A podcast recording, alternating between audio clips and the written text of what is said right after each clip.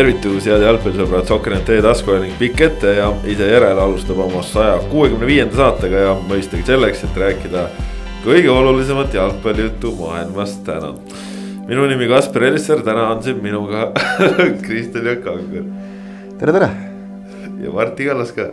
vastab tõele, tere ka minu poolt kuulge, jube tihe jalgpallinädal oli igas mõttes, mängiti kodus, mängiti võõrsil, aga lõpuks äh, kõige vägevamad asjad juhtusid siin pühapäeval mitmel rindel, aga Karol Mets, palju õnne, Šveitsi meister.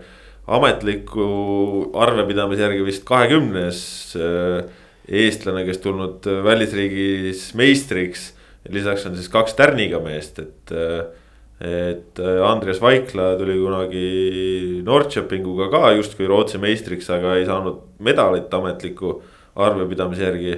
ja tegelikult ju Mattias Käit tuli ka Bodo Klimtiga äh, sügisel Norra meistriks, aga ta ei saanud seal väljakule, kuigi ju tegelikult pingil oli ka liigamängudes, et äh, ei teagi, kuidas seal neid asju arvestama nagu peaks, et väga raske nagu öelda, kuidas peaks arvestama, et et ma ei, ma ei tea, kas Keit tunneb ennast ise meistrina, kui sa nagu nii väikese panuse saad anda, et. samas trenni tegi. ei no trenn jah, ja samas trenni teed, eks ole, ja, ja noh, päris nagu nullipoisiks ka ei jäänud, et. ilma trennita poleks Solbakken löönud võib-olla nii palju. võib-olla tõesti jah et, et noh, see on jah, selline keeruline küsimus, et Vaiklaga oli nagu natuke lihtsam vist, aga. seal oli mingi reglement lausa sätestas jah ja,, et, et mis ja. hetkel saad medali kaela. no mingites riikides just tead, kus sa nagu noh, vist viis mängu on olnud Inglismaal näiteks see, eks ole, et aga, aga seal on ka siis võimalus, et kui ikkagi treener leiab, et keegi on nagu hirmus oluline mees näiteks ja noh.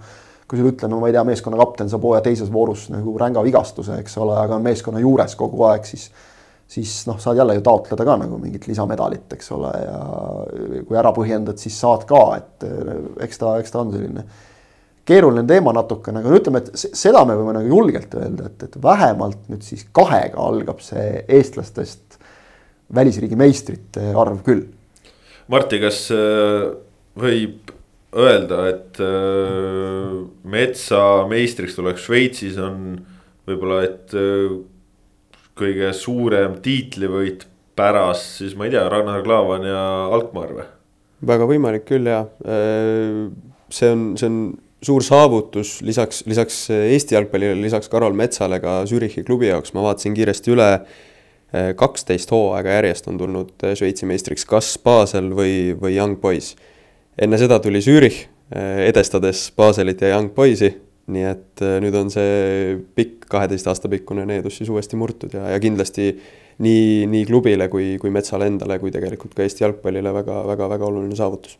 ja see tähendab seda, et Karol Metsa suvi äh, või ütleme, et uus hooaeg algab ju meistrite liigaga, et äh, meistrite liigas saavad kaasa lüüa, tõsi küll, kvalifikatsioonist mälu järgi. aga noh, ütleme, et väga hea võimalus on, kui mitte siis meistrite liiga, siis meistrina teame neid nii-öelda turvavõrke ka, et ikkagi kuskil alagrupi turniirile jõuda ja mängima ja noh, see on väga kihvt, kui. kui näeksime sügisel jälle eestlast äh, nendel euroväljakutel, sest tegelikult ju möödunud sügisel oli ju see olukord, kus kahe eestlase klubid olid lausa samas alagrupis konverentsiliigas, just Karol Metsa eelmine klubi, Sofia CSKA ja, ja ka äh, Mattis Käidi koduklubi Bodo Glimt olid ju samas konverentsiliiga alagrupis, aga mõlemad olid liitunud liiga hilja, ehk siis ei saanudki mängida omavahel. Äh, nii et selles mõttes loodetavasti tuleb nagu värvikas aeg, igatahes Karol Metsal küll väga palju õnne ja, ja kihvt saavutus ja kõva saavutus ikkagi ka, sest et Šveitsi liiga praegu, kui vaadata UEFA seal klubide tabelis, on hetkel neljateistkümnendal kohal, noh, need, need tabelid on natukene sellised, neid tuleb väikse ka ütleme omakorda nagu koefitsiendiga võtta või väikse filtri läbi vaadata, sellepärast et et, et noh, siin kasvõi see, et Šotimaa on hirmkõrgel esikümnes, eks ole, noh, kui, kui, kui, kui palju see nagu peegeldab liiga kui sellise tugevust aga, aga midagi ikka ja Šveitsi puhul äh, jah, noh, need oleme näinud, need meistrid on ju väga hästi mänginud tegelikult, et ma ei näe küll põhjust, miks miks Zürich ei võiks siin Baseli või, või Young Boysi saavutusi korrata, eks ole, kui ikkagi jõutakse kalagruppidesse välja nagu täiesti ja, ja mängitakse seal hästi, aga, aga lihtsalt vaatan no, veel nagu varasemaid. Young meistri. Boys ju Unitedit kollitas ka päris palju. Basel on neid, neid küll ka meistrite liigast ja välja löönud alagrupist, nii et on selline hea, võib-olla väike hea enne nagu, et tuleb lihtsalt hoida pöidlad peos ja noh, meistrite liigas küll ilmselt alagrupis Manchester Unitedit pole võimalik saada sel hooajal või uuel hooajal, et aga tuleb, tuleb siis madalamaga leppida, aga ma vaatan praegu näiteks seda lihtsalt, et on Taanis on tulnud Urmas Rooba meistriks, eks ole, meil Kopenhaageniga varem kolm korda. ja Hollandist oli juba juttu, Klavanist, noh, see on selge ikkagi, Holland on nagu selgelt kõige kõvem tiitel klubi tasandil, mida Eesti jalgpallurid on võitnud ja, ja noh, Norra ja Pavel Londaku Rosenborgi kahe tuhande kuueteistkümnenda aasta tiitli võib ka nagu sinna kanti panna, et kui praegu vaadata, siis Norra on selles tabelis seitsmeteistkümnes, Taani on kaheksateistkümnes, et noh ka selline noh, top kakskümmend, mis need kohad täpselt on, pole oluline, aga, aga selles plaanis ikkagi jah. seal olla ja, ja ikkagi ka mängida seal, mitte olla lihtsalt pingipoiss, eks ole. kuidagi veel niimoodi noh, hiljem liitudes nagu natukene, eks ole, see, see ei ole kunagi kerge, et ei olekski üldse üllatav, kui Mets oleks seal nagu tubli varumees. Aga et ta on ikkagi suutnud ennast vahepeal mingiteks perioodideks murda nagu põhikoosseisu, see on ju, see on ju kõva sõna, et, et see see on noh, seda on näha olnud ka tema tegelikult koondise esitustest, et äh, ma tean, see on sihuke tundlik teema, aga aga et see annab nagu ikkagi nii palju tohutult nagu juurde mängijale, kui sa igapäevaselt sel tasemel mängid. ja, ja pühapäev oli selles mõttes ka hästi selline põnev, eriti oma õhtupooliku pärast, et saime järjekordse ETV kahe otse-eetri sellise noh, avalduse sedapuhku oluliselt jalgpallilisema ja, ja selles mõttes. Suur pluss on see, et meie ei pea vastu avaldust tegema seekord. jah, jah väga tegelikult nagu kihvtid mõtted, Miguel Santos, Tartu Tammeka peatreener. oli Floralt saadud kaks-kolm kaotusjärjel no ikka väga-väga marus ja, ja mitte ainult siis hetkeemotsiooniga, vaid tund aega pärast mängu, kui kui ta meie ajakirjanikku rääkis, siis noh, see jutt oli hästi-hästi sarnane, ehk siis tõesti ongi no, siiralt pettunud Eesti kohtunikes. ja noh, selles mõttes, kui me nagu laia pilti vaatame, siis neid olukordasid, kus tippklubid on saanud soodsaid otsuseid, neid on ikka omajagu. Samas, kui me vaatame kitsast pilti, eilset mängu, siis need olukorrad, mis Santose närvi ajasid tegelikult seal nagu võib-olla nüüd nii palju seda vaieldavat osa nagu ei olnudki aga sellised, äh, ma just nagu rääkides äh, Miguel Santosest eraldi, sellised isiksused äh, nagu tema lisavad minu arust väga-väga olulist värvi Eesti jalgpalli, tegelikult meil oleks noh see, mis toimuks, oleks, oleks märksa igavam, kui aeg-ajalt ei oleks sellist noh, et mees tuleb ja, ja mees ütleb nii, nagu tema arvab. ükskõik, kas see siis on õige või vale, aga, aga ta tuleb ja, ja ütleb ja, ja see on äge. just täpselt, ma kujutan ette, et võib-olla näiteks Äh, ma ei tea, Tartu Tammeka tegevjuht Kristjan Tiirik võib-olla nagu kõige rõõmsam ei ole võib-olla selle avalduse peale, sest noh. üpris selge on, et klubi ootab sealt trahv on ju. ja, ja, ja Miguel Santos saab mingisugused sanktsioonid peale, sest noh, nii lihtsalt reeglid näevad ette. aga, aga noh, puht lihtsalt selle just tõesti selle intriigi ja, ja nagu värvi mõttes nagu ka jube, jube kihvt nagu sa näed, et mees on nagu nii närvis et ta elab ennast täiega välja, et ta vahepeal läheb ka nagu suhteliselt nagu. no läks rändiks, rändiks kätte ära. õrnale jääle, et, et see ongi, see ongi nagu ehtne ränd, on ju. aga samas sa nagu noh, teistpidi nagu naudid ka seda, et, et noh. ma ei teagi, mis pidi me siit äh, lähme, võib-olla vaatame siis kõigepealt neid, äh, neid eilseid momente, et. Äh, Flora Tammeka mängus on ju, Flora läks kiirelt äh, kahe väravaga juhtima. siis Tammeka sai väga hästi mängu sisse. sai nagu palliga mängu enda kätte, aga tegelikult ütleme, see palliga mäng ei jõudnud väga nagu vastase kolmandikule, et see pall oli, aga nagu momente liiga palju ei olnud, siis nad said äh, ühe värava kätte, kus äh, Flora seal avapoole lõpus äh, David Addi nagu päris lihtsalt lasi löögile. siis äh, kohe teise poole alguses Reio Laabuse värava puhul, noh seal Flora kaitsejad ikka, ikka täiesti olid kuskile unne magama jäänud. Laabus unustati seal niimoodi ära, seal suluseisu ka ei olnud, see kaeti ära. Karramet Nõmm vist ei olnud valmis selleks, et Laabus ei saanud esimese korraga pallile pihta. Ja, ja siis selle teise löögi tegi, eks seal nagu ka mitu kärna ja, ja, ja hästi Florale mitteomaselt lihtsalt lasti sealt Tammeka mängu ja siis nagu Tammeka surus ja surus ja surus, kuni siis oli see moment seal kuuekümnenda pluss kandis. Kevin Mätas jookseb, jookseb Hendrik Pürgiga kokku ja kõik nõuavad kaarti, kõik nõuavad viga, kõik nõuavad punast kaarti. Tammeka vink nõuab. jah kõik Tammeka pingil nagu. no alustuseks nagu punasest oli asi väga kaugel, sest et ta ei jooksnud värava peale, ta jooksis sisuliselt nurgalipu poole minu meelest, et noh, või vähemalt äärmisel juhul otsajoone poole, et nagu kindlasti ei olnud see ilmselge väravavõimaluse ärahoidmine me ei, me ei saagi video põhjal tegelikult anda seda nii-öelda lõplikku hinnangut, sellepärast et see nurk, mida meile näidati, ei kordus oli kuidagi. ei näita seda, milline nende meeste, ütleme siis Pürgi ja Mätase täpne liikumissuund oli, võib-olla Pürg tegi sammu tagasi, võib-olla see oleks pidanud olema viga. aga videopilt ei näita seda. no nii palju, kui, kui see üks kordus, mida ka vaatasin seal veel järele spetsiaalselt.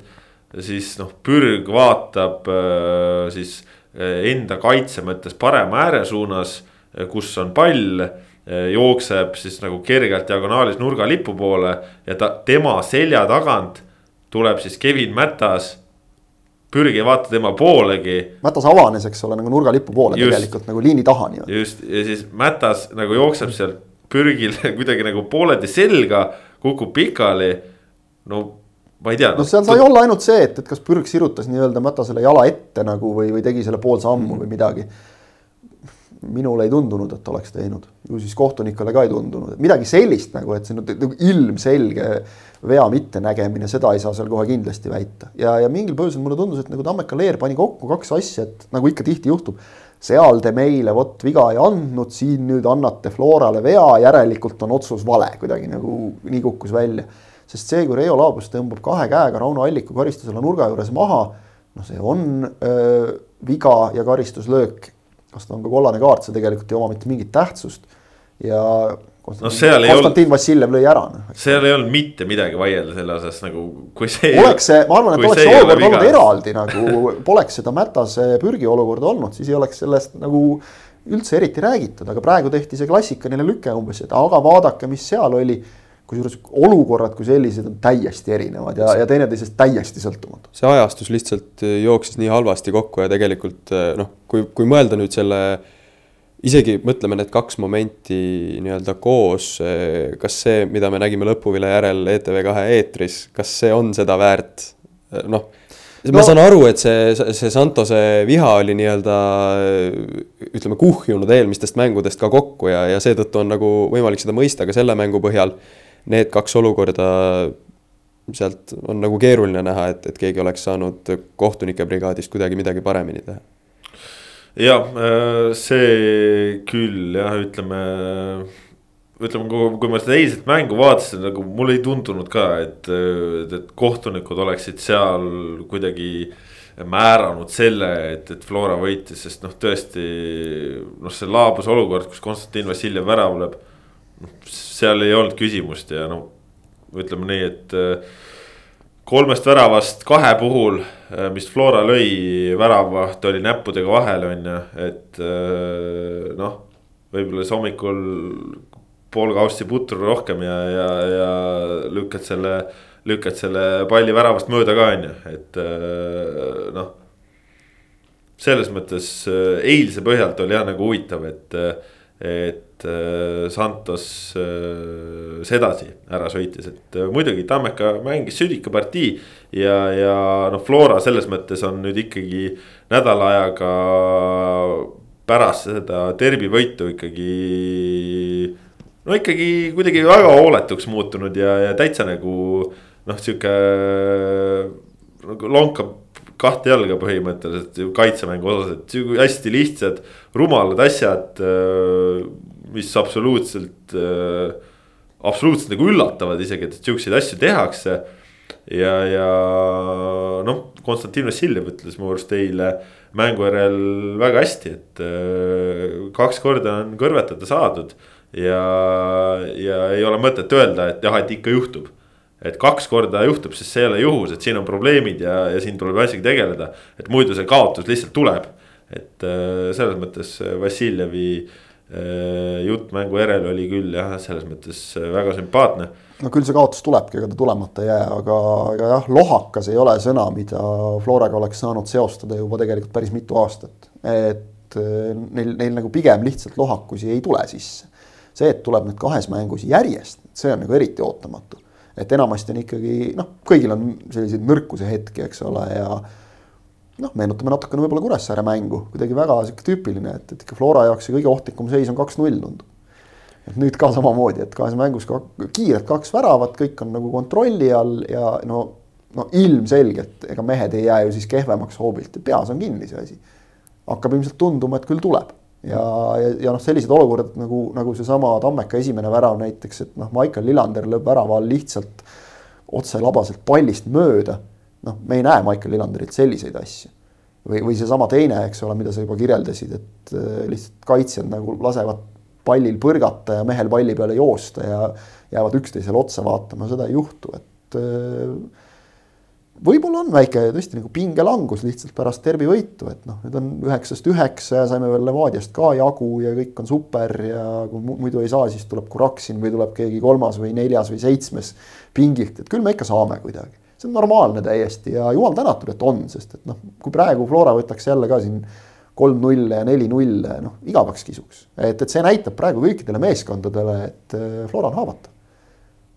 Mis äh, tegelikult võibki olla see põhjus, miks Miguel Santos oli sedavõrd äh, frustreerunud pärast, pärast kaotust. tegelikult, kui sa näed, et su vastas on, on tippvõistkond, kes on haavatav ja siis on mingid sellised olukorrad, mis sulle tundub, et lähevad sinu vastu, no mina ei saa, ma ei, ma ei pea ennast nagu pädevaks inimeseks hindama seda, kas kohtuniku otsus oli, oli Tammeka vastu või mitte, sellepärast et ma eh, jälgisin seda mängu eh, ikkagi läbi neutraalsete prillide, mitte läbi siniste prillide. kindlasti treener tahab oma võistkonnale alati parimat ja, ja seetõttu võib-olla tema näeb, märkab neid olukordi ka rohkem, kus, kus läheb otsus kas ühele poole või teisele poole.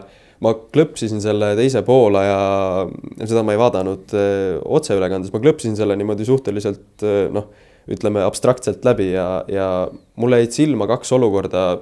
Üks oli see, kus Dominic Laaneots sai mängu teisel üleminutil kollase kaardi.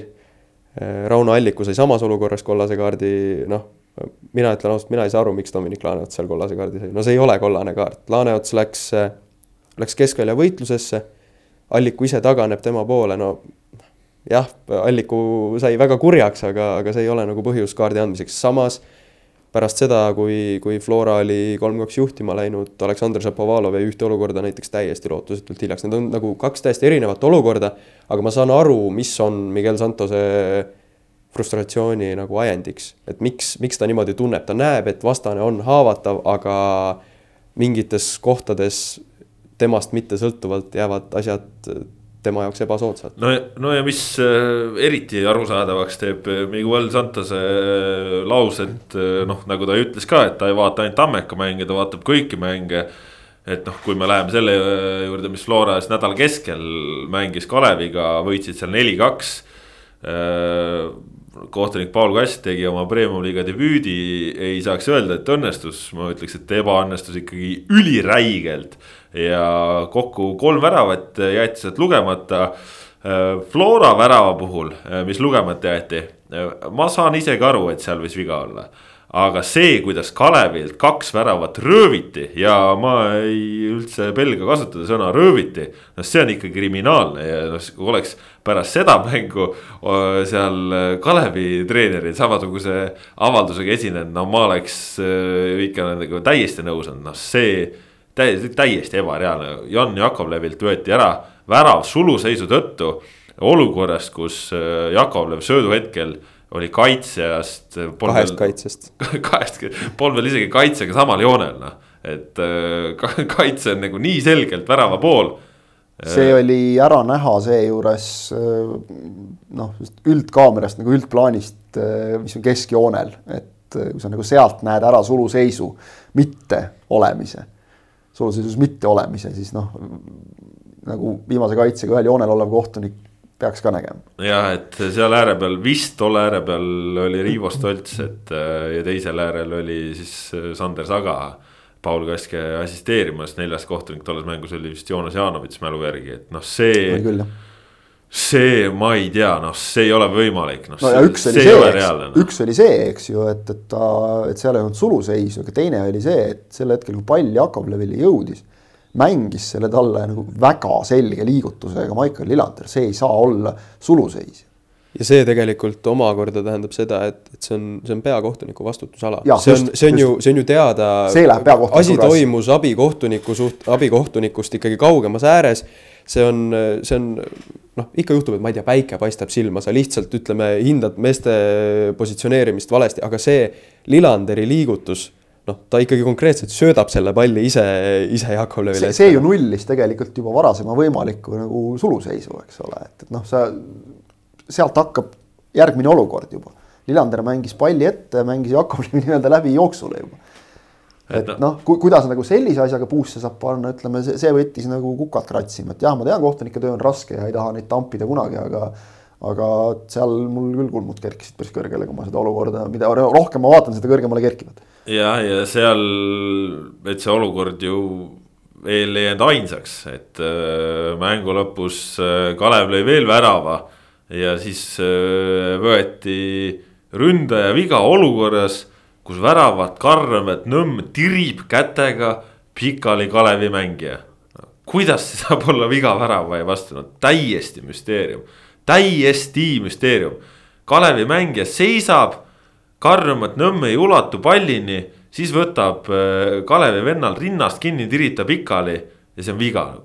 millises universumis, millises. viga siis sellele, keda tiriti nagu, et see on omapärane jah et. üldse on viimasel ajal jäänud natukene silma see, et äh, mis iganes kontakt väravavahiga värava all on, on viga kohe.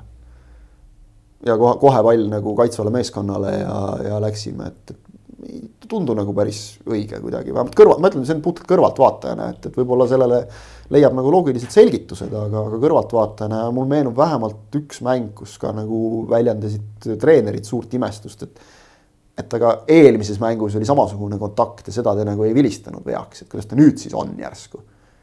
et noh, vot nagu ikka, jõuame selle juurde tagasi, et ühtne joon kohtunike lõikes ühtset joont on muidugi väga raske saavutada, mängu lõikes peab see olema võimalik saavutada ka meie liigas, ükskõik mis liigas.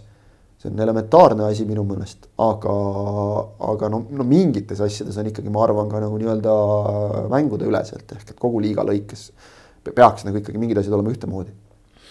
ja et noh, seal mängus jah, Kalev siis kaks väravat ikkagi sai kirja, kaks neilt võeti ära. Floral sai, sai omale ka punktid, noh. oli, oli selles mõttes jah, ütleme, et kui, kui me siit tulime, et see Santose jutt, et suuri aidatakse, siis noh. seal, seal, sealt. tõetera on sees jah. see, see tõetera on, on, on selgelt olemas ja, ja, ja noh, selle pealt saad, saad aru muidugi jällegi, et noh ega Santos äh, sellest olukorrast äh, väga ei räägi, on ju, mis oli hooaja alguses äh, mäng Narva Transiga, kus Tammeka sai penalti üpris hõlpsalt ja, ja Trans ei saanud, on ju, et noh, eks juhtub igatpidi, on ju, aga jah jah, noh. no eks ta nii on, et ükski asi ei ole mustvalge ja igas jutus on alati terake tõtt, nii et ja, ja no eks tegelikult seda Santose juttu mõjutas kindlasti ju ka see, et äh, nädala keskel äh, Tammeka sai null-üks kaotuse Levadialt äh,. seal siis tõi ka Santos välja, et tehti, tehti mingisugune plokk äh, enne kui Rasmus Peetson värava lõi, noh seda, ma ütlen, neid blokke ikka tehakse, et. Äh, ma, ma tahaks öelda natukene selle kohta nii, et, et kui sa hakkad iga mängu vaatama selle nurga alt, siis ma arvan, et kõik treenerid leiavad kõikidest mängudest olukordi, kus nende meeskonnale on liiga tehtud äh, kus oleks saanud paremini, kas see nagu sinu meeskonnale lõppkokkuvõttes kasuks tuleb ja edasi viib, vot selles ma enam nii kindel ei ole, et ma olen ka kahe käega poolt, et noh, okei okay, mõneti olen nõus Indrek Stilinskiga, kes ütles ETV stuudios, et, et tegelikult see Santos intervjuu näitas ära, miks treenerid ei anna tavaliselt intervjuusid kohe pärast mängu.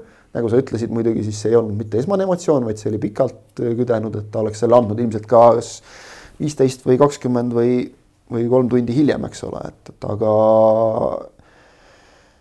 see on väga okei okay, nagu, et, et tuled ja paned emotsiooni pealt, võib-olla natukene see, et, et kui sa veidikene noh, nagu seedid seda esmast emotsiooni, siis su mõte tuleb paremini välja, et ei tule see nagu me ütlesime, et vahepeal jutt läks nagu rändiks ära, eks ole, et see, see jääb paremini kõlama lihtsalt, sest su eesmärk on ju see, et juhtida tähelepanu noh, sinu arvates võimalikule probleemile. aga, aga jah, see, et, et kui nagu järjepidevalt hakata, et, et noh, vot nii ja naa, noh Tallinna Kalevile ja Tammeka ei kaotanud kohtunike tõttu. et, et seal ikkagi kaotati enda kehva mängu tõttu ja, ja nii mõneski mängus on, on olnud veel punktid läinud kaduma selle tõttu, et ise ei ole piisavalt hästi mängitud, ehk et noh, ei, ma, ma, ma nagu ei näe sellest, see on, see on nagu ühtepidi äge, et, et on emotsioonid ja kõik ja see on normaalne. sest et noh, kui me emotsioonivabalt jalgpalli mängiks, siis ei tuleks sellest üldse midagi välja. aga et kui sa nüüd lased nagu nendel asjadel liiga palju ennast mõjutada, siis see hakkab sinu vastu töötama ja, ja tegelikult noh, seal Levadiaga mängus Tammekal oli ju ka esimesel poolel Tarmo Kink sai omale ju seal kaardi selle eest, et tema protesteeris olukorras, kus äh, Gerdo Juhkam äh, mängis äh, käega olukorras, kus oli Levadia vist Lilju üks-üks olukorda pääsemas ja sealt ka seda kohtunikud ära ei võtnud, ehk siis noh. ma ütlen, neid otsuseid käib ühel pool, teisel pool. jah, et no üsnagi vana jalgpalli klišee on ka see, et hooaja lõikes need igasugused otsused äh, tasandavad. alati on keegi, kes ei ole rahul, aga, aga jah, just see ühtne joon, millest on ka räägitud, see, see on see, mis nagu tuleks üles leida, sellepärast et noh, kui, kui, kui ühel pool antakse, siis, siis noh, anna teisel pool ka, aga, aga mitte, et väita, et keegi teeks midagi tahtlikult, aga, aga lihtsalt äh, natukene on selline mõru maik üles hetkel.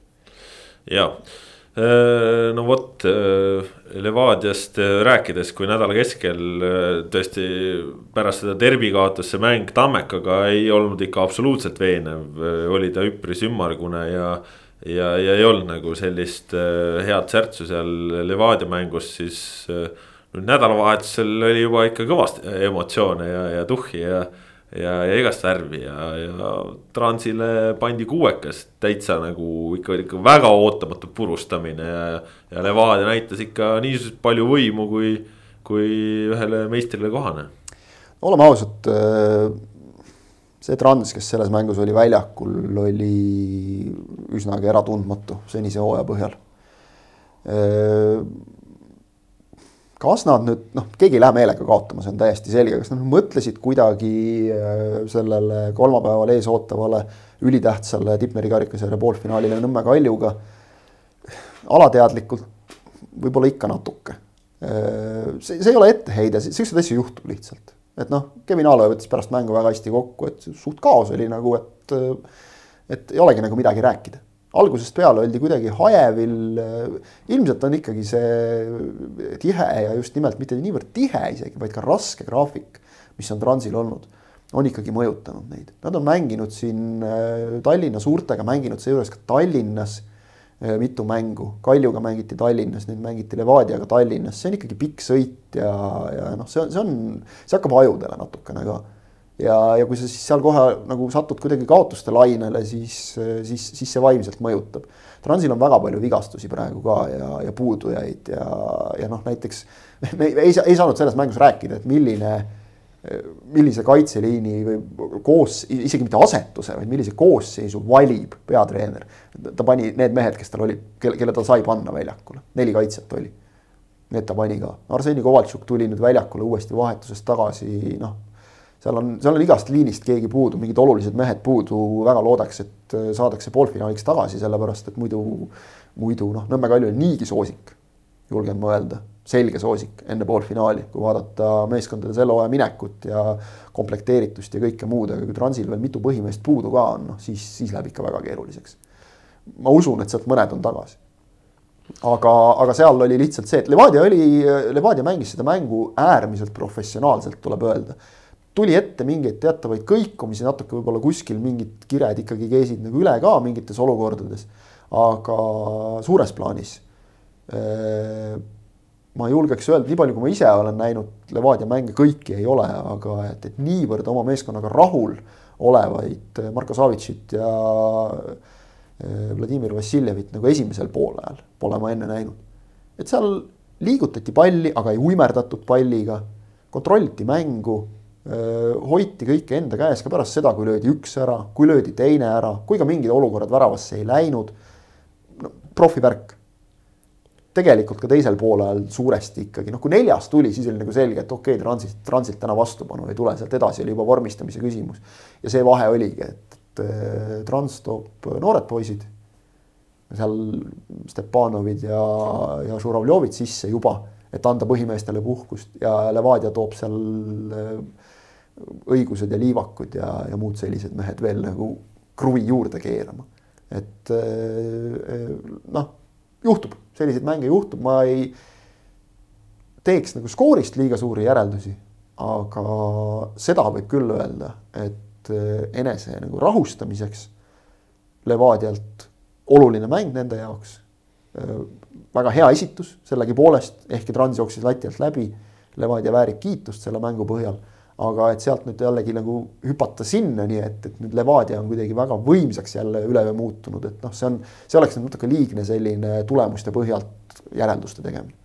no Levadiale kindlasti see ründetegevus, ütlesid, et skoorist ei saa liiga, ütleme siis sügavaid järeldusi teha, aga, aga Levadia lõi esimest korda kuue mängu järel üle ühe värava mängus. Levadia on väravate löömisega Äh, neile endale kindlasti ei meeldi see väljend, et hädas olnud, aga nad on löönud vähe väravaid ja, ja ma usun, et kuigi, kuigi nad räägivad, et kõik on kontrolli all ja, ja noh, seni on olnud ka laias laastus, siis äh, ikkagi see, et sa siis nüüd tuled ja, ja vajutad ja vajutad kuus, see kindlasti mõjub väga-väga positiivselt meeskonnale ja just, et, et isegi kui kuskil alateadvusesse noh, sa proovid seda mõtet vältida, et no vot, et võimaluse loome, aga sisse ei lähe, sisse ei lähe.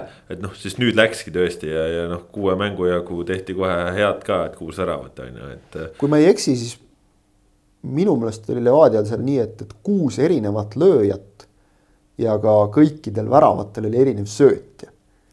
et osad mehed seal kattusid, et noh, Lili Utsele ja siis Utse Liliule, aga ühe värava puhul jäin nagu peast vaatasin praegu, jäin nagu mõtlema, aga, aga et noh, see nagu näitab ka seda, et, et sul, sul ei pea nagu olema üks mees, kes paugutab, et näiteks. Äh, Beglarishvili numbrid ei ole ju sel hooajal nagu noh, nii ülivõimsad, nagu nad olid eelmisel hooajal, aga see, see ei ole probleem.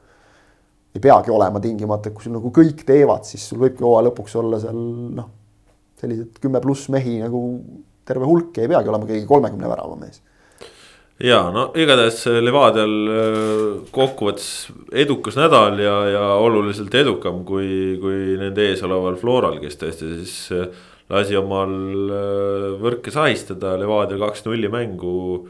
kuus punkti ja, ja nüüd nädalavahetusega palju väravaid, et, et nendel on seis mõnus, Trans seevastu nüüd no natukene võib-olla auku on, on langenud, et siin on tõesti need suurtega mängud olnud.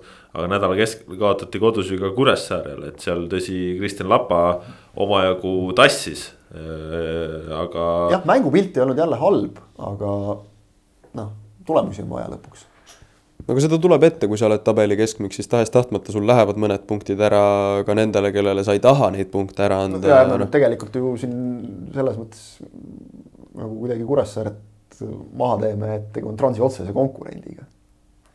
küll nüüd tänu sellele omavahelise mängu võidule, aga praegu tabelis eespool oleva meeskonnaga, et, et see noh, ei ole ju. see ei olnud nüüd selline nagu mingi šokk-kaotus, eks ole, null-üks niimoodi kaotada, vahel juhtub nii.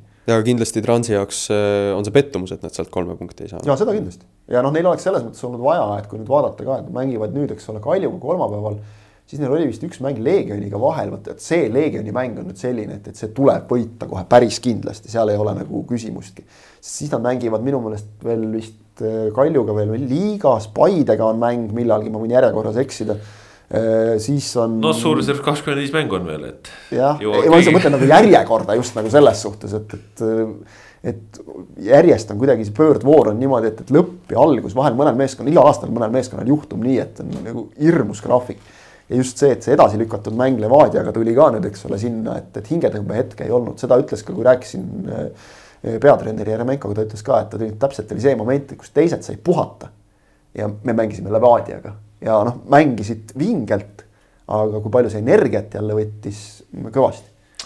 Ja no rääkides äh, Kuressaarest, siis äh, nemad nüüd väga ootamatult laineharjale sattunud, et nädal tagasi alistasid ju Paide äh, väga üllatuslikult ja nüüd siis ongi nädala aja jooksul kaks olulist võitu otseste konkurentide üle Transi äh, alistamisest rääkisime, nüüd siis nädala äh, hakut- või nädalavahetuse alustuseks alistati Leegion ka üks-null, Märten Pajunurm lõpetas vigastuspausi, kuus mängu oli vahepeal väljas.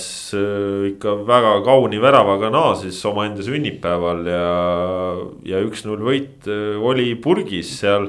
üldse sünnipäevalaste mängitamine toitis, et, et Saka tegi ka üks pluss üks sünnipäeval Transi vastu, nii et töötas hästi ja, ja noh, seal siis tegelikult noh, Kuressaarel küll mängu lõpp läks selles mõttes äh, pingeliseks, et äh, Leegion jäi vähemusse ja siis hakkas suruma ja muidugi see Leonid Arhipovi punane kaart lapale põlvega näkku, noh see oli ikka päris rõlge ka, et. oli see põlvega või oli korkidega või mismoodi no,, aga seal, seal oli minu meelest täpselt see olukord. põlvega lõpuks ikkagi. vist, vist pigem põlvega, et ta ei läinud nagu noh, ta ei läinud kindlasti nagu meelega toorutsema seda ma ei usu. aga ta jalga tagasi ka ei tõmba. aga täpselt, see on see olukord, kus sa pead nagu aru saama, et, et sa pead tegema ka kõike endast oleneva selleks, et vastane ei saaks pihta. ja, ja ta jättis oma jala noh, niimoodi, et, et see väravahid riskivad nii meeletult tegelikult, kui me mõtleme, et sa, sa pead ikka noh, tõesti, see, see on nagu omaette inimtüüp nagu, et sa pead mingid asjad, mingid enesealalhoiuinstinktid endal peas välja lülitama sellel ajal, kui sa väljakul oled proovige ise nagu, ma ei tea, mõelge korraks tänaval, et te viskute vastutulija jalgadesse näiteks, aga nüüd nii, et, et see jookseb täie hooga ja tahab sedasama asja, mille järele sina lähed. see on täiesti tegelikult ju mõistuse vastane ja väravavaid teevad seda mängudes korduvalt ja korduvalt. ja, ja siis, siis peab olema ründajal ka nagu nii palju vastutust, ma noh, Arhipov on noor mängumees veel endiselt, ma usun, et ta õpib sellest ja ta oli nagu ise ka ehmunud selgelt, et noh, nii läks, et seda ta ei tahtnud kindlasti aga et noh, sa ei saa nagu niimoodi igas olukorras nii-öelda nagu lõpuni minna. aga noh, Leegioni tuleb jälle kiita, et äh, raskes olukorras näidatakse sisupunkte, tuleb nagu napilt, aga, aga, aga on tulnud ka ja, ja nad mängivad nagu mängivad tegelikult nagu ägedat jalkat, et see on, see on tore ja just ma ütleks ikkagi see sisu, see on, see on nagu see, millega on juba eeskuju antud kõigile ja no mis selle mängu puhul oli veel märkimisväärne lisaks sellele ainsale ja ilusale väravale ja selle punasele kaardile. oli see, et hooaja esimene mäng naturaalsel murul ja, ja murul, mis päriselt oli ka hea kvaliteediga. jah, oleks keegi vaid seda ülekande jooksul maininud, eks ole aga, aga jah, oli, oli hea oli, oli hea ja just see, et, et noh, muidu nagu see murule minek on kuidagi igal aastal räägime, aga seekord nagu tõesti noh, mindi heale murule, see oli oluline. rääkides selle, ma tuleks korra selle Leegioni teema juurde tagasi hooaja eel, kui, kui see Leegioni koosseis siis lõpuks selgeks sai, see oli kas üks või kaks päeva enne, enne seda, kui hooaeg käima lükati. ma, no nii mina kui ma julgen väita, päris paljud eh, jalkasõbrad olid ikka väga-väga skeptilised, et mis sealt tulema hakkab. alguses algus oli hea, aga isegi siis ma tegelikult mõtlesin, et noh, et see on selline alguse tuhh ja, ja kui sul hakkavad need pakid tulema, siis äh, noh, ühel hetkel sa väsid ära, sa enam, sa ei jaksa enam selle, selle tuhhiga panna, mis sul muidu on olemas olnud, aga Leegion ei ole pärast, äh, mis neil nüüd on, üksteist vooru mängitud. Nad ei ole sellest, sellest tuhhist nagu, nad ei ole seda ära kaotanud, neil on see endiselt alles ja nad, nad ikka panevad täiega, hoolimata sellest, mis tulemused. aga vaata, sa nagu ütlesid, et kui pakid hakkavad tulema noh, Paidega võeti nagu teadlik risk, eks ole, sealt tuli selline tulemus, mida saab pakiks nimetada, rohkem pole tulnud ju. sellepärast ma arvan, ei olegi nad ära vajunud, et kui sa mängid. ja vot see on nüüd jälle see, et, et see julgus mängida selles olukorras, eks ole, et okei okay,, mida meil enam kaotada on, me oleme kümnekesi väljakul, noh proovime vähemalt. okei okay,, noh klassi ei olnud piisavalt, võib-olla ka õnne mingites olukordades, seal ju tegelikult paar sellist šanssi oli, kus, kus ei, ei olnud väga kaugel viigivärav. et, et sa saad isegi kaotades jah muidugi on meeletu pettumus, nagu Markus Vaherna ütles pärast intervjuus. enne mängu kindlasti nad tulid mõttega, et siit noh, saab võtta. ja nagu mäng näitas, siis sai ka tegelikult. aga, aga kui sa oled nagu noh, teinud kõik, mis, mis sinust olenes, sa oled võidelnud selle, selles mängu lõpuks ka, sul on olnud šansid, no ei läinud sisse, ei läinud, mis seal ikka. aga palju kergem on minna järgmisele mängule. Et seda üleval hoida, noh, see seal ikkagi ma ilmselt, ma arvan, et võib vaadata, ma vaataks küll nagu Mihhail Artjuhhovi poole, kelle vaieldamatu trump on see, et need on, need on ju ka nii-öelda tema poisid, ka tema käe all sirgunud, enamik neist, paljud neist ja, ja, ja motiveerijana on ta nagu väga-väga kõva, et äh, ikka noh. Maksimumi ei ole võetud, aga, aga üsnagi maksimumi lähedaselt, ma ütleks, on küll treenerid sellest meeskonnast praegu suutnud välja pigistada ja no äh, igatahes Leegionil jäi siis kasutamata võimalus tõusta kaheksandale kohale. Kuressaare on nüüd ikkagi juba väga kindlalt äh, seal viiendal positsioonil nii et. Äh, sa ütlesid ise ka enne huvitavalt, sa ütlesid nagu, et, et ootamatult laineharjale tõusnud, et tegelikult ei ole ju ootamatu, ootamatu oli võit Paide üle no. sealt edasi on ju olnud sellised noh, loogiliselt üks oli selline viiskümmend, viiskümmend mäng, kummale poole kukub no, juba eelmisel hooajal. pean, pean silmas see, et aga... Kuressaare suudab kolm mängu järjest võita. ei, seda küll, aga noh, teeme lolli nalja edasi, eks ole, et et äh, suvi on tulekul ja see tavapärane kahekümne mänguni ilma võiduta. okei okay,, ironiseerin praegu. no selleks ajaks neil tavaliselt pole nii palju punkte kunagi olnud. seda küll, eelmisel aastal tunnistame, et tegelikult sellist perioodi Kuressaarel ju ei olnud, et, et sellest, äh, see oli suur samm edasi ja kui ka sel hooajal suudetakse seda vältida ja ma ausalt öeldes nagu vaadates seda pingi sügavust, äh, mis on ikka märksa parem võrreldes mingi vahepealse, vahepealsete aastatega, siis siis ma ei näe nagu põhjust, miks see peaks ka sel aastal tulema, et, et Kuressaare on niisuguse mõnusa vundamendi teinud, millel noh, mille pealt nagu täpselt sihuke hea on edasi minna. et, et hea on, hea on mängida, ma kujutan ette selle pealt, et noh, sul on nagu rahu teatav. seda rapsima. jah, ma selle muru juurde nii palju tulen veel tagasi teist äh, nädalat järjest, et äh, kui on võimalik, et äh, ühes Eesti otsas no saab selle muruväljaku roheliseks, paned lihtsalt selle katteloori peale katteloor, mis maksab natukene üle tuhande euro. et võib-olla oleks võimalik seda teha teistes Eesti otsades ka nagu, võib-olla oleks võimalik. ja ei peaks äh, potsatama e-postkasti järjest kirju ja jälle mäng on edasi lükatud Kunstmuru väljakule, Muru väljak ei ole veel mängitavas seisukorras, noh no. Kas selle häda natuke on äkki selles Eesti sporditaristu nagu tavapärases probleemis, et, et et äh, väljakud ei kuulu klubidele, vaid kuuluvad no,. kui sa mängid seal, kuidas sa pead nendega ei, läbi saama? lihtsalt, et noh, ei, ei, nõme lugu jah. sa pead nendega läbi saama, kui sa kes, mängid. kes seal. maksab, on põhiline küsimus alati, eks ole, et ja, ja sinna see jääb kuidagi nagu, et. et jah, noh, mingitele väiksematele klubidele muidugi tuhatkond eurot on, on suur raha. Samas mõnele on see mõne legionäri nädalapalk. et, et noh, prioriteetide küsimus. just et äh, jah, siuksed, äh, siuksed seisud äh, sealt, noh, Leegion jah, siin on nüüd järjest kaotanud nädala keskel.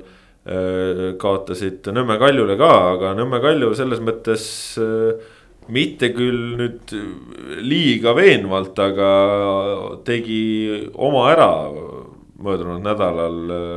Kaks mängu, kaks võitu, kaks nullimängu. Vaprus alistati tõesti küll ainult üks-null ja, ja penaltist Kaspar Paur Äh, jälle me üks mees, kes tassib. Äh, lõi ära penalti, Igor Subbotin oli enne Vapruse vastu penaltiga eksinud, Hendrik Vainu tegi seal tõrje. aga noh, kõige olulisem on siis Kalju puhul jah välja tuua, et saada need tulemused kätte. mis on tegelikult ju lõpuks ka nagu tugeva võistkonna tunnus, et ükskõik, et kui sul see mäng kuskil ära kaob ja, ja asjad ei suju. et kui ta ikkagi siis noh, kasutades ühe tuntud spordidirektori fraasi, et siis kui päeva lõpuks on sul ikkagi kolm punkti kirjas, siis noh, nii on siis on kolm punkti tabelis ja, et eriti arvestades tõesti seda praegust noh, üsnagi tihedat kõikide jaoks topeltvoorudega perioodi, et, et siin, siin ei saa nagu valima hakata, et tahaks ikka ilusa mänguga ja nii edasi, et jah. ma ootan huviga Kalju puhul äh, seda kolmapäevast poolfinaali, et äh, kui võidetakse ja jõutakse finaali Eh, millise motivatsioonilaksu see annab ja kui peaks juhtuma näiteks, et langetakse välja ja kaotatakse võimalus eurorahasid püüda, et mismoodi see mõjub omakorda meeskonnale. Kalju on selge soosik seal, nagu kordan veel, et, et noh, nad, see jällegi paneb väiksed pinged nende õlgadele. Trans loomulikult tahaks ja vajaks ka seda euroraha, aga ma arvan, et nende jaoks noh, jah, okei okay,, on kindlasti määrava tähtsusega ka, kui siin viimase aja eelarve juttu arvestada, aga aga noh, ikkagi natuke ütleme, meeskondade eesmärgid hooaja eel on, on erinevad olnud ja ja, ja, ja selle tõttu ma usun, et, et suuremad pinged on Kalju õlgadel, aga see hooaeg on nagu andnud märku, et et sportlikud pinged ei ole Kalju jaoks võib-olla probleem. Nad on äh, stabiilsuse tegelikult ju, ju üles leidnud. Ja, ja okei okay,, vaprus äh, võide, vaprust võideti ainult üks-null, aga, aga nagu Kaspar ütles ka, see on, see on äh, tugeva võistkonna tunnus, et sa suudad isegi, isegi niimoodi need võidud ära võtta ja Kalju on seda sellel hooajal teinud, okei okay,, noh, Tammekale kaotati punkte ja ja, ja neid on siin veel kaotatud äh, mitte palju. aga, aga üldiselt on, on senine hooaeg olnud nende poolt ikkagi noh, väga lubav, nad on, nad on tiitliheitluses ilma mingi kahtluseta sees. jah, ma vist ise ütlesin, et ei ole mingit, kas mõni voor tagasi, et, et medaliheitluses, et tiitliheitluses ei ole, noh praegu vaatad, et kui Flora ka koperdab natukene, aga, aga see on nüüd ongi tegelikult nagu hea näide, et, et Floral rasked mängud, tehti väga palju endale mitteomaseid vigu, võeti ikkagi võidud ära. Levadial samamoodi, mitte just liiga veenvad esitused mingites mängudes, võidud olemas.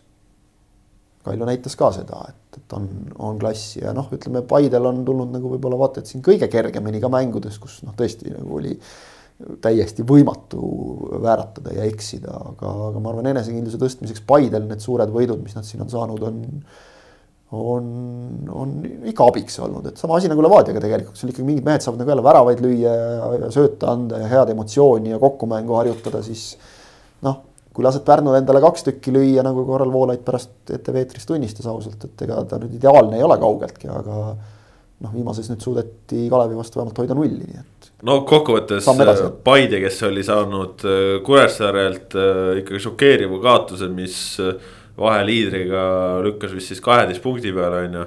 et kui sa nüüd pärast seda lööd nädal aega kolmteist väravat. No vahet ei ole, kes sul vastas on, kui sa lööd nädal aega kolmteist väravat, no su seis on päris okei okay ikkagi. no ründetööga on Paidel tegelikult ju noh, päris okei okay on suhteliselt pehme väljendus selle kohta, aga, aga pigem see küsimärk on just just, kaitsetöö kohalt, sest Paide on lasknud endale väga palju väravaid lüüa. Nad eh, hetkel on üksteist mängu mängitud, nad on kolmteist tükki välja korjanud. Eh, see on noh, ilmselgelt liiga palju tiitliheitluses eh, püsida tahtva võistkonna jaoks, aga noh, nüüd muidugi Kalevi vastu tervet mängu kontrolliti ikkagi väga-väga eeskujulikult, Siim Luts ütles ka pärast mängu, et, et kannatlikkus oli see võtmesõna, mis millega nad äh, mängima läksid, tahtsid rahulikult äh, eelkõige lihtsalt äh, suuta palli hoida, võimalusi tekitada ja, ja mitte riske võtta ja, ja sellega saadi ka hakkama, mitte et Kalev oleks noh, kogu austuse juures Kalevi vastu, aga Kalev ei ole Paide jaoks ka mõistagi kõige suurem proovikivi, aga, aga ütleme niimoodi, et distsipliini suudeti küll väga-väga korralikult hoida mis mulje sulle Jarju ehk siis Paide Kambja väravahi debüüt Premium-liigas jättis? mulle jäi sellest debüüdist umbes täpselt selline mulje, et ta sai vist palli puutuda, noh, kahe käe sõrmedel saab need korrad üle lugeda. ta pidi tegema ühe päris hea tõrje, mis Jaan Jakovlev, kes on sel hooajal juba varemgi kõvasti pahandust tekitanud erinevatele suurtele meeskondadele on, äh, pääses siis karistusala vasakust servast äh, sisse, nurk läks natukene teravaks, aga Jarju väga, väga korralikult tegutses, see oli sisuliselt ainuke kord, kui ta enda siis ütleme oskusi pidi näitama ja mul on tunne, et et äh, mingit pilti Premium-liiga sõber temast küll veel ette ei saanud, et, et sealt tuleb, tuleb veel vaadata. samas usuks, et oli talle hea mäng jälle, et noh, saad oma debüüdi kätte ja. natuke enesekindlust ja. ja natuke ja kokkumängu ja, ja kõike ja tunned ennast meeskonna osana, et, et see, see on sümpaatne, et Kalju ka samamoodi andis tegelikult Vapruse vastu Henri Bergile võimaluse, et, et noh, treenerid saavad aru ikkagi, et see on nagu maraton tegelikult, eks ole, et vangerda natukene, julgelt. ja seda oli näha tegelikult ka, et Jarju on meeskonna osa, sellepärast et, et see, kuidas ta ka värava suult, kuigi palli ta palju ei saanud, siis see, kuidas ta suhtles võistkonnaga, juhendas, see oli noh, näha, et, et mees ei põe. et ta, ta teab, miks ta seal on ja ta, ja ta ütleme siis selle nii-öelda eh, vaimse poole juhtimisega sealt eh, viimase mehena sai, sai väga hästi hakkama Paide jaoks on muidugi nüüd oluliselt närvilisemad äh, nädalad ees, et kõigepealt, eks ole, poolfinaal, kus ise tuleb mängida Floraga. noh, ja siis äh, hoida, kui ise edasi ei saa, siis hoida Florale pöialt finaalis.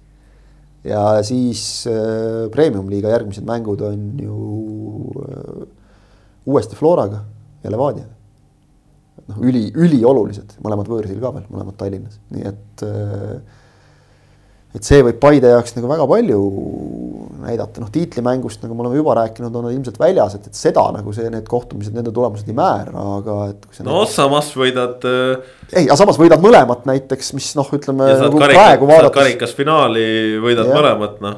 siis, siis ju nagu ütleme, vaadates viimaseid siin mänge, siis võimatu ju ka ei ole, et et siis, siis on ju, võib ju jälle mängida, aga et, et kui sa näiteks mõlemad kaotad noh, siis on juba puhtalt see, et, et vahe Kaljuga võib käriseda nagu väga suureks, et see on jah, hooaeg on pikk ja kõik mängivad kõigiga veel palju, aga, aga sa ikkagi juba jooksed nagu ülesmäge, et. ja vaimselt muidugi, kui jälle peaks nagu tappa saama neilt, selles mõttes nagu raske, aga ma arvan, et, et praegu nende kahe suure võiduga pandi nagu maksimaalselt hea võimalik vundament, võib-olla isegi mõnes mõttes vapruselt endale lastud kaks väravat olid nagu head, et noh, on veel kõvasti, millega seal kaitses ka tööd teha jah, igatahes äh, sel nädalal siis kolmapäeval kell seitse Sokkernet tv otse-eetris Narva Trans, Nõmme Kalju äh, karikavõistluste poolfinaal ja neljapäeval kell seitse samuti Sokkernet tv otse-eetris äh, Flora Paide karika poolfinaal, nii et saate. esimene klubimäng sel laual A Le Coq Arena, eks ole ei, just, just, just. meil on ju olnud siin üks meestekoondise mäng ja üks siis naiste. üks naiste oma jah et äh, saab siis äh, nädalavahetusest loodetavasti kõrgliiga ka äh, muruväljakutele, et siis tuleb uus voor peale. peab muidugi selle A Coq Arena kohta ütlema, et tuleb vist üks trett Soome jälle teha ja seda head värvi tuua see üks nurk on ikka väga õnnetus seisus praegu. nojah, võib-olla meelega siin nädala alguses palju liiva lükatud peale, et see muru jõuab sealt neljapäeval läbi kasvada, aga. Küllap ja noh, ilmad lähevad ka natuke soojemaks et.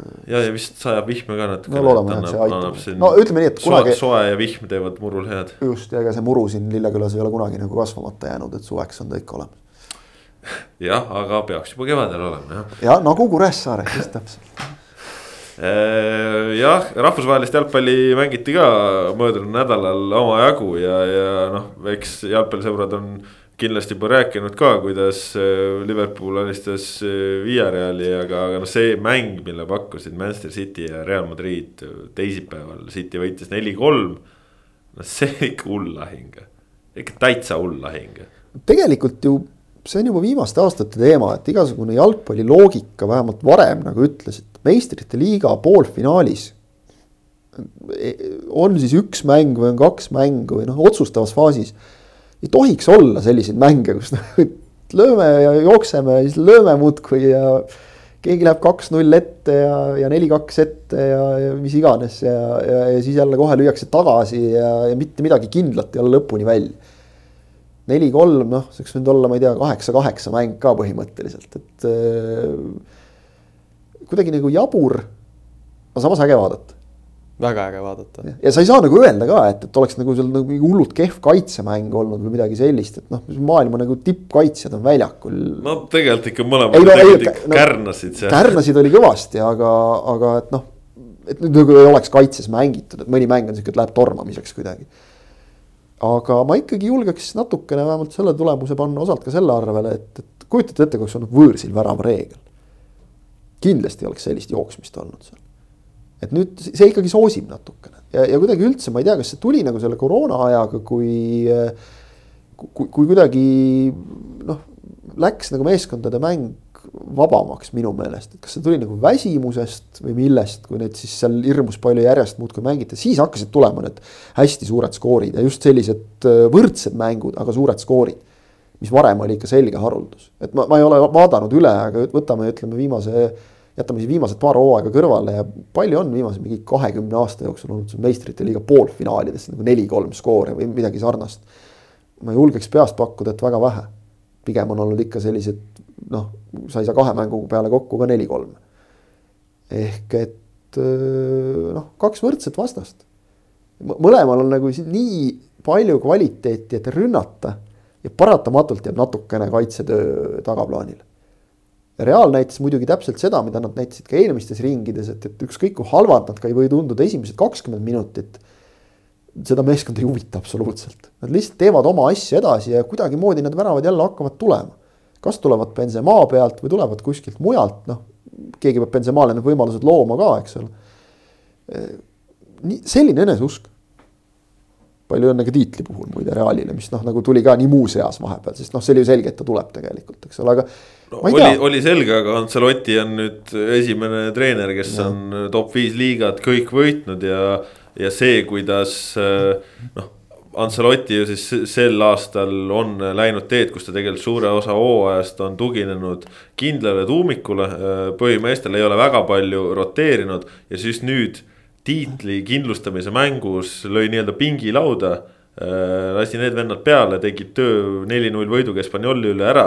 Ja noh, siis said pidutseda, said emotsiooni üles ja selle emotsiooni pealt, et sa said nüüd üle, ma ei tea, kui mitme aasta karika tõsta. Santiago Bernabeul täismajas oma fännides, tõsi Äh, mitte küll äh, nii-öelda staadioni enda täismahu mõttes, sellepärast et seal endiselt renoveeritakse ja. ja see täituvus on seal praegu umbes viiekümne tuhande juures, kui muidu on seal kaheksakümne viie juures, siis no,. said hakkama selle viiekümne, viiekümne ees. rahva ees teha, noh, see emotsioon meestele, sest noh, eelmine tiitel võideti ju treeningkeskuses et, äh, et said oma statkal rahva ees ja see, mis pärast Madridis toimus, noh. see oli ikka kõvemat sorti festival ja nüüd selle emotsiooni pealt minna kolmapäeval uuesti Bernabeule ja mängima City'ga, sa tead, et sa suudad kõike ja noh, ma jah, see annab nagu veel lisasüsti, aga vot just see, et sa tead, et sa suudad kõike, et see on nagu olnud kogu aeg olemas ja, ja kui sa tegelikult mõt, kirjeldasid praegu Ancelotti käekirja ega see ju väga palju ei erine sellest, mida Zidane tegi. et absoluutselt nagu vähendamata nende kui treenerite äh, võimeid. aga minu meelest nii Zidane'il kui Ancelottil on olnud see oskus, et äh, noh, venelased ütlevad nii et kui nagu asi toimib, ära torgi. Need mehed oskavad mängida, et, et lase neil noh, nagu endal toimetada, lase ka väljakul neil tulla nagu jamast välja sul on seal nii palju liidreid koos, nad oskavad seda, nad on seda enne teinud, nad on võitnud, nad on ka kaotanud palju. Michael Jordan vist kunagi luges kokku, eks ole, et kui mitu lõpuviset ta on mööda visanud, eks ole, ja, ja kui mitu korda mängu ära käkkinud. et tänu sellele on tal olnud nii palju võimalusi ka neid sisse visata, et ta on sellest õppinud. Real on samasugune, muide Reali õppimise kohta veel üks väga oluline aspekt ka, et nad on õppinud lõpuks ometi oma meistrikarikat bussi ülemisele korrusele sinna etteotsa kinnitanud, see teibi konstruktsioon, mis oli ehitatud, see oli võimas. et jälle ei teeks Sergei Ramost keegi, eks ole, pärast sul on taldrik küll, aga natuke lapik selline, et kuidagi nagu mille ta sinna. noh, seal oli, seal oli sang ikka lausa küljest ära. seal olid sangad ja asjad küljest ära ja et noh, selle klubi eelarvest nagu kannatab liimi osta, et pärast kokku panna, aga ikkagi natuke sihuke õnnetu lugu, aga aga, aga just minu meelest see oskus nagu lasta meestel mängida, see on, on kõva ja kui sa tegelikult vaatad, kellega Ancelotti on tulnud meistriks. et noh, võiks ka nagu natuke nina visata, ninaga visata, et noh, tulla Realiga Hispaanias mitmendal katsel või, või tulla noh, Inglismaal Chelsea'ga on võib-olla vähe keerulisem mingil ajal ei olnud ka tegelikult või tulla Bayerniga Saksamaal meistriks, et noh, rääkimata Paris Saint-Germainiga Prantsusmaal, et no mis seal siis nüüd nii väga keerulist. aga see näitab klassi. aga, aga see, et sa, sa palju... pead ära majandama, kui paljud peatreenerid on põrunud selliste superstaari satsidega no mis ühendabki ju tegelikult äh, Ancelotit ja, ja Zidane'i, noh, Zidane oli ju Ancelotti õpipoiss ka. Nad on mõlemad suurepärased äh, nii-öelda riietusruumi hoidjad, et. et Zidane'i tee oli, oli ühest küljest see, et ta oli hästi suur autoriteet on ju mängijate seas ja, ja oma oskuste poolest noh, ta ju ka lõi ise hästi aktiivselt treeningutel kaasa, mängis kaasa noh, ja, ja noh, sa, sa näed seda klassi seal, sa austad, sa tead, mida ta on võitnud. temaga armastas üpris palju roteerida, ehk siis ta hoidis nagu kogu satsi õnnelikuna. Ancelotti nüüd äh, ongi selles mõttes täiesti teistsuguse käekirja, kogu aeg samad vennad mängivad aga ta oma loomusega hoiab ikka ka need vennad, kes on seal pingi peal, ta hoiab ikka nad õnnelikuna. ei ole seal mingit ussitamist. sul on see tunne, et sa oled oluline, eks ole. satsis on hea vaim ja, ja selle pealt teed need asjad ära. et lahendada praegu ära näiteks see olukord, et noh. Gareth Bale ei saanud isegi, eks ole, jälle tiitlipidustustel osaleda, sellepärast et ta oli ilmselt golfi mängides selja ära tõmmanud või midagi, et noh. seljavigastus oli siis nagu ametlik põhjus, et tegelikult nagu nii mõnigi meeskond on sellises olukorras nagu täiesti lõhki läinud praegu see on unustanud nagu ära, et seal mingi probleem üldse oleks või noh, kõik Eden Hazardi asjad kõik, eks ole, et. et sul on staar, kes on kogu aeg katki ja kes ei mängi. Pole probleemi. ja Benzema Võtad... on, lõpeta lause. ei, ei. ma tahtsin lihtsalt nagu esile tuua ka seda, et Benzema, kes on tegelikult pikalt Realis olnud, oli pikalt Ronaldo varjus. mees on ebareaalselt hea noh, täiesti see, kuidas ta veab meeskonda just nagu kasvõi isegi mitte sellega, mida ta ütleme palliga suudab teha, aga, aga just see, kuidas ta väljakul on või, või vaatad telepildist, mehel nägu särab, tuju on hea, ta noh, näha on, et ta naudib täiega. no eks ta sai ka sellest Prantsusmaa koondisesse naasmisest, ma arvan, nii tohutu nagu motivatsioonisüsti, et noh, see nii-öelda jama on ka nagu maha raputatud, see ebaõiglus, et tema tunnetas seda kindlasti tohutu ebaõiglusena, et noh, võib siin pikalt jaurata, et oli või ei olnud, aga aga tema seda kindlasti nii tundis, et see on ka selja taha jäänud, et tõesti, see on see aeg, kus sa saad nagu noh, lihtsalt nautida jalgpalli. Karim Benzema kohta tegelikult nagu kõik on öeldud äh, lihtsate numbritega, nelikümmend kaks ja nelikümmend kaks. selle hooaja mängud ja selle hooaja väravad muidugi nägin mingisugust äh, tsitaati ka, praegu ei suuda selles, äh, selle autentsuses veenduda, aga ka mingisugune sihuke lause ringles, kus Benzema ise ütles, et, et mis asja, et ma ei olnud Ronaldo varjus, et Ronaldo lihtsalt mängis mu üle ja oli niivõrd palju parem, et ta ongi ajaloo üks paremaid ründajaid. Ja nii oligi, et noh, see näitab venna suhtumist ka, et. Äh, ja näitab jah, tänu sellele võib-olla ta tuli sealt nagu välja jälle, eks ole, et, et ega tal ju olid vahepeal ka sellised hooajad, kus ta noh, ei olnud nagu hakati juba vaatama, et okei okay,, et noh, ilmselt läheb varsti kuskile Aasiasse või. tegelikult sihukest hetke ei ole olnud, tegelikult sellist hetke. ei no kõrvalt on olnud see noh, see jutt kõrvalt on igasuguseid jutud alati, see on teada, eks ole. no ikkagi mingi hetk oli, kus ei, et ta sellisesse vormi tõuseb et ta on kõva ründaja, noh, korralik ründaja, aga ta sellisesse vormi tõuseb, selline staar on nagu praegu. noh, sa võib-olla vaatad äh, kõige paremas mõttes natuke läbi oma valgete pilvede no,, küll ta jälle tegema hakkab, aga, aga.... no seda, see on ootamatu kindlasti jah. aga nagu see, see on kindlasti nagu ootamatu. mida ma enne veel tahtsin öelda, oli see, et noh, sa võtad Toni Kroosi välja näiteks ja, ja sellest ei ole probleemi. et ja. see jah, aga Ancelottiga on sama asi nagu Zidaniga, et, et see mees on ka ise mängijana teinud selline autoriteet mis mulle meeldib nende mõlema puhul, me näeme nagu hästi palju seda. ühtepidi on see jube äge, kui sa vaatad Toomas Tuhhelit või noh, isegi Kloppi või, või Guardiolat, eks ole, seal joone ääres tantsimas, õudne möll käib kogu aeg. pane kaamera peale lihtsalt eraldi nagu sinna ja, ja saad ka show kätte, eks ole. aga teisest küljest äge on ka see, et eh, kas Ancelotti nagu vahel on selline tunne, kas ta üldse mängu jooksul midagi tegi seal joone taga peale selle, et ta lihtsalt oli seal nagu. ja asjad toimivad. panna niimoodi asjad jooksma okei okay,, võib-olla sul on abitreener, kes käib, eks ole, seal karjumas ja, ja sina seisad.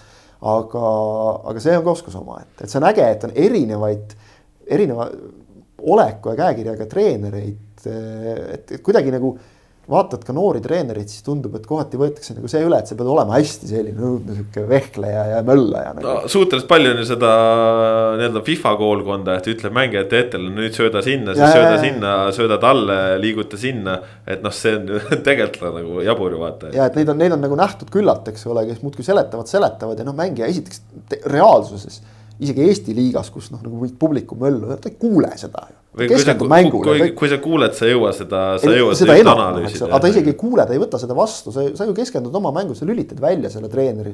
ja lõpuks ongi mingi sihuke kargev hampelmann lihtsalt seal, eks ole, et, et, et. mis eristab Guardiolat, Kloppi, Tuhhelit, noh nagu naljameestest on see, et ega neil on ka riietusruum nagu väga hästi käes. aga et see on tegelikult palju olulisem pool kui see, et, et sa seal hüppad üles-alla, eks ole, ja karjud kõva häälega, et, et olen, olen mängus sees. et noh, tegelikult sa nagu oled mõnes mõttes mängust väljas sellega. ja, et see on ikkagi jube stiilne, kui Ancelotti ongi väljaku ääres, noh vaatab kulmkortsus rahuliku ilmeksid asja peale, siis pärast tähistades äh, bussi peal lükkad äh, prillid ette, sigari suhu ja mm., ja sa oledki the boss nagu Vinicius Junior juurde kirjutas. aga sa nagu näed ka, et, et kuidas need mängijad äh, austavad teda mitte ainult sellepärast, et ta on peatreener, vaid ka inimlikul tasandil, et ta ilmselt noh, karakter, isiksus see peab olema karisma, see, see on, ma arvan, Ancelotti edu võti olnud, sest et ikkagi tõesti teha Euroopa viies tippliigas ja, ja üldse mitte nüüd ka nagu mingi noh, nagu treeneri kohta kõige vanema mehena. teha nagu ikkagi puhas vuuk peale, eks ole, ka meistrite liigad, kõik asjad võtta. see on, hakka või mõtlema, et ega Ancelotist ei räägita ju nagu kui läbi aegade parimast treenerist. aga argumente on päris palju ju ja igatahes äh, teisipäeval ja kolmapäeval äh, läheme siis meistrite liiga poolfinaalidega edasi, kell kümme mängud Viaplay vahendusel äh, kenasti nähtavad. kuidas teil siis tunne on, teisipäeval saab Viaplayst vaadata Liverpooli ja Via Reali kordusmängu, sedapuhku siis Via Realis Hispaanias seal null kaks seis. ega vist Villarrealil on raske, kuigi Unai Emmer ütles, et nad kavatsevad väga palju muuta ja, ja kindlasti äh, annavad Liverpoolile lahingu. peavad muutma, niimoodi mängimine ei too tulu, aga ma arvan, et Villarreal teeb Liverpooli elu raskeks. aga Liverpool läheb kokkuvõttes ikkagi suhteliselt äh, rahulikult finaali. Martti, kuidas sulle tundub? mul on äh ma olen nõus, et Liverpool ilmselt läheb finaali, noh, selleks ei pea, ei pea olema selgeltnägija, et sellest aru saada, et see on äh, kõige tõenäolisem stsenaarium, aga aga ma arvan, et, et Villarreal sepistab mingi päris korraliku üllatuse, see on äh, Nad ju suutsid üllatada Bayernit, nad on, nad on varasemalt näidanud, et selles meeskonnas on väga palju sisu. Äh, ma, ma ei usu, et nad lähevad sinna lihtsalt, et noh, lähme peale ja vaatame, mis juhtub see, seda, nad ei tee seda, nad lähevad ja, ja nad ei lase Liverpoolil lihtsalt pääseda. ma täpsustan, ma arvan, et nad suudavad Liverpoolis tekitada närvilisuse mingil ajahetkel ja, mängus, aga see närvilisus ei püsi lõpuni. et Mul... mingi, mingi moment tuleb, kus Liverpool ikkagi noh, kuna Villarreal peab juba võtma riske, pöörab selle enda kasuks. jah, Juventus ja Bayern pandi surve alla, aga Liverpool on tegelikult ka Bayerniga võrreldes, ma ütleksin praegu täiesti teisest klassist meeskond. no samas näiteks Benficagi suutis eh, Liverpoolile kolm väravat lüüa, on ju. jah, suutis, aga noh, seal oli jälle ikkagi puhver oli all ja ega see tegelikult see koon kokku see olukord nagu Liverpooli jaoks nagu ülinärviliseks ju ei, ei läinud. ma pakuks nagu uljalt niimoodi, et Via Real saab vähemalt viigi isegi äh, siit äh, teisipäeval kätte kolmapäeval siis Viaplayst äh, vaatamiseks äh, Real City, noh, sellest mängust siin eeldudest rääkisime, eelmisel nädalal juba rääkisime ka. Äh, mis kõik see mäng tuua võiks. kuidas teil nüüd selle kordusmängu eel, kus üks mäng on selja taga, kuidas teil nüüd tunne on, et mina, mina rääkisin juba nädal aega tagasi, et City ilmselt esimese mängu võidab ja domineerib ka, aga lõpuks Real läheb edasi kuidas Martti sulle tundub praegu? ma ei oska reaalselt mitte midagi oodata, see on, see on nii selline noh, nagu esimene mäng ka näitas, seal äh, asjad võivad väga kiirelt muutuda, see. ma pean Reali kergeks soosikuks. Realil on, äh, nagu sa ütlesid ka juba enne, nad äsja tähistasid tiitlit koduväljakul. Neil on see hea emotsioon, mille pealt nad lähevad äh, mängule vastu, nad, nad on väga tugevad ja, ja noh, mis ei tähenda muidugi seda, et, et Cityt saaks alahinnata, aga, aga mul on eh, natuke kurb tunnistada, aga, aga mulle paistab, et, et Real võiks sealt edasi minna. Kangur, kuidas sul nüüd eh, nädala ajaga, mis suunas äh, lipud on hakanud liikuma siis? eeldad, et ma mäletan, eeldad, et ma mäletan, et mida ma rääkisin nädal tagasi optimist. ma arvan, mul on miskipärast selline tunne, et City andis väga suure võimaluse käest et kui nad oleksid saanud kaheväravalise võidu kätte, kaheväravalist edu nad hoidsid mängu jooksul tegelikult päris nagu arvestatavalt kaua, üllatavalt kaua isegi. et siis, siis oleksid nemad soosikud. võttes arvesse su kõike seda eelkirjeldatud Reali emotsiooni, seda, mida Real on varasemates mängudes näidanud, et neid nagu mitte üks, mingi seis ei murra. no natuke naljakas öelda, City on eduseisus enne teist mängu, aga mul on selline tunne, et nad peaksid lööma esimese värava. et saada see legendaarne momentum, sõna, mida ma palavalt jälestan, enda kätte ehk siis nagu ohjad enda kätte mängus, ilusas eesti keeles öelduna. et et, et miskipärast mul on tunne, et neil oleks seda vaja, see kõlab totralt, et neil on praegu tegelikult need ohjad on praegu nende käes, aga et, et seda oleks nagu veel vaja. see sunniks Reali juba noh, nagu sunniks Reali mingeid asju tegema. ja ka sellest võib väheks jääda, nagu Chelsea vastu nägime. nii et ma pean Reali väikeseks, aga samas siiski suhteliselt kindlaks soosikuks ja mis seal salata, kuna ma teisest poolfinaalist ennustan finaali pääsejaks Liverpooli, siis mulle meeldiks kui sellest läheks edasi Real, et ei oleks sama riigi finaal. puht sellepärast. Ma, ma tooks siia veel äh, vahele selle ka, et, et äh, mis võib Cityt ka mõjutada, on see, et nad ju teavad, et Real on enesekindel, nad ju teavad, et Real tuli just meistriks ja ja nad on äsja lasknud äh, nädal varem Realil koduväljakul endale kolm väravat lüüa. jah, nad lõid ise küll neli, aga nad korjasid ka kolm tükki välja, ma näen Kaspari muigast, et, et tal on väga suur rõõm seda juttu kuulata, aga aga, aga jah, Real on soosik selles, selles paaris no pull oli see, et tegelikult ju nädal aega tagasi kõik kihlveokontorid äh, pidasid Cityt äh, hirmkõvaks soosinguks, soosikuks ja, ja ma ütlen seda täna samamoodi, et City tõenäoliselt mänguliselt on parem. aga nendel ei ole võitmise kogemust äh, meistrite liigas. Nad teavad, kuidas Real on järjest tulnud BSG Chelsea vastu, ka nüüd nende enda vastu. trammi alt välja, ükskõik mis seisu pealt. noh, siin on ju ka näited, kuidas null kolme pealt on välja hakatud tulema. Äh, ehk siis Real ilmselt ei lähe närvi. Real on kodus, publiku toetus ja Real teab, et nad suudavad seda asja ära teha. City, ma kardan et võib ühel hetkel joosta kipsi, sest nemad tunnevad, et kui nüüd midagi juhtub, siis on pekkis. Realil ei ole midagi kaotada. Real on võitnud nii palju neid tiitleid, Real on juba praegu ühe tiitli kätte saanud, nad tulevad kaotuse just välja, et neil on ainult võita, neil ei ole kaotada mitte midagi. City, no me teame, see on šeikide eesmärk, võita meistrite liiga ja kui seda ei suudeta, noh see pingevahe on lihtsalt erinev, see pingevahe on lihtsalt erinev. pingevahe on tohutu ja, ja noh. Jah, Reali puhul hakkad juba mõtlema, et mitmes meistrite liiga tiitel see neil nüüd on, et loomulikult mängijad lähevad võitma, eks ole, aga. aga, aga see on noh, no ei juhtu midagi, noh, kui ei tule. tegelikult ei juhtu ju, City'ga on see, et noh, fail isime jälle, jälle põrusime kui ei tule ja, ja see sellistes mängudes võib, võib otsustada ja, ja paned selle kokku nüüd sellega, et pagan, meil oli eelmises mängus see suur šanss, noh oli, oli võimalus juba nii-öelda ära lõpetada see asi. Kusjuures no nagu tegelikult näitas veerandfinaal Chelsea'ga, eks ole, et äh, ei olnud Chelsea arvas ka võib-olla, et on vähe kindlam see, eks ole just äh,, igatahes äh, teisipäeval, kolmapäeval siis meistrite liiga poolfinaalide korduskohtumised, nagu öeldud äh, mäng saab vaadata Viaplayst, kus praegu saab hea pakkumise ka ühe kuu hinnaga saate kolm kuud lausa sealt jalgpalli vaadata ja. Ja mitte ainult äh, suured mängud Euroopas ei ole nüüd sel nädalal ainult meistrite liiga, Viaplayst saab lausa vaadata seitsmendal mail äh, sihukest esimest suuremat äh, karikafinaali, Nice, Nantes Prantsusmaal ka vastamisi lähevad äh, olukorras, kus tegelikult mõlemad jahivad euro kohta, nii et äh, vähe selles mõttes äh, teistpidi tore, et BSG-d seal finaalis ei ole. ja jumal tänatud. Euroopa liiga ja konverentsi liiga, neist pikalt pole mõtet rääkida siis, kui seal finalistid selged on, aga lihtsalt ütlen, et nagu ägedad mängud on olnud.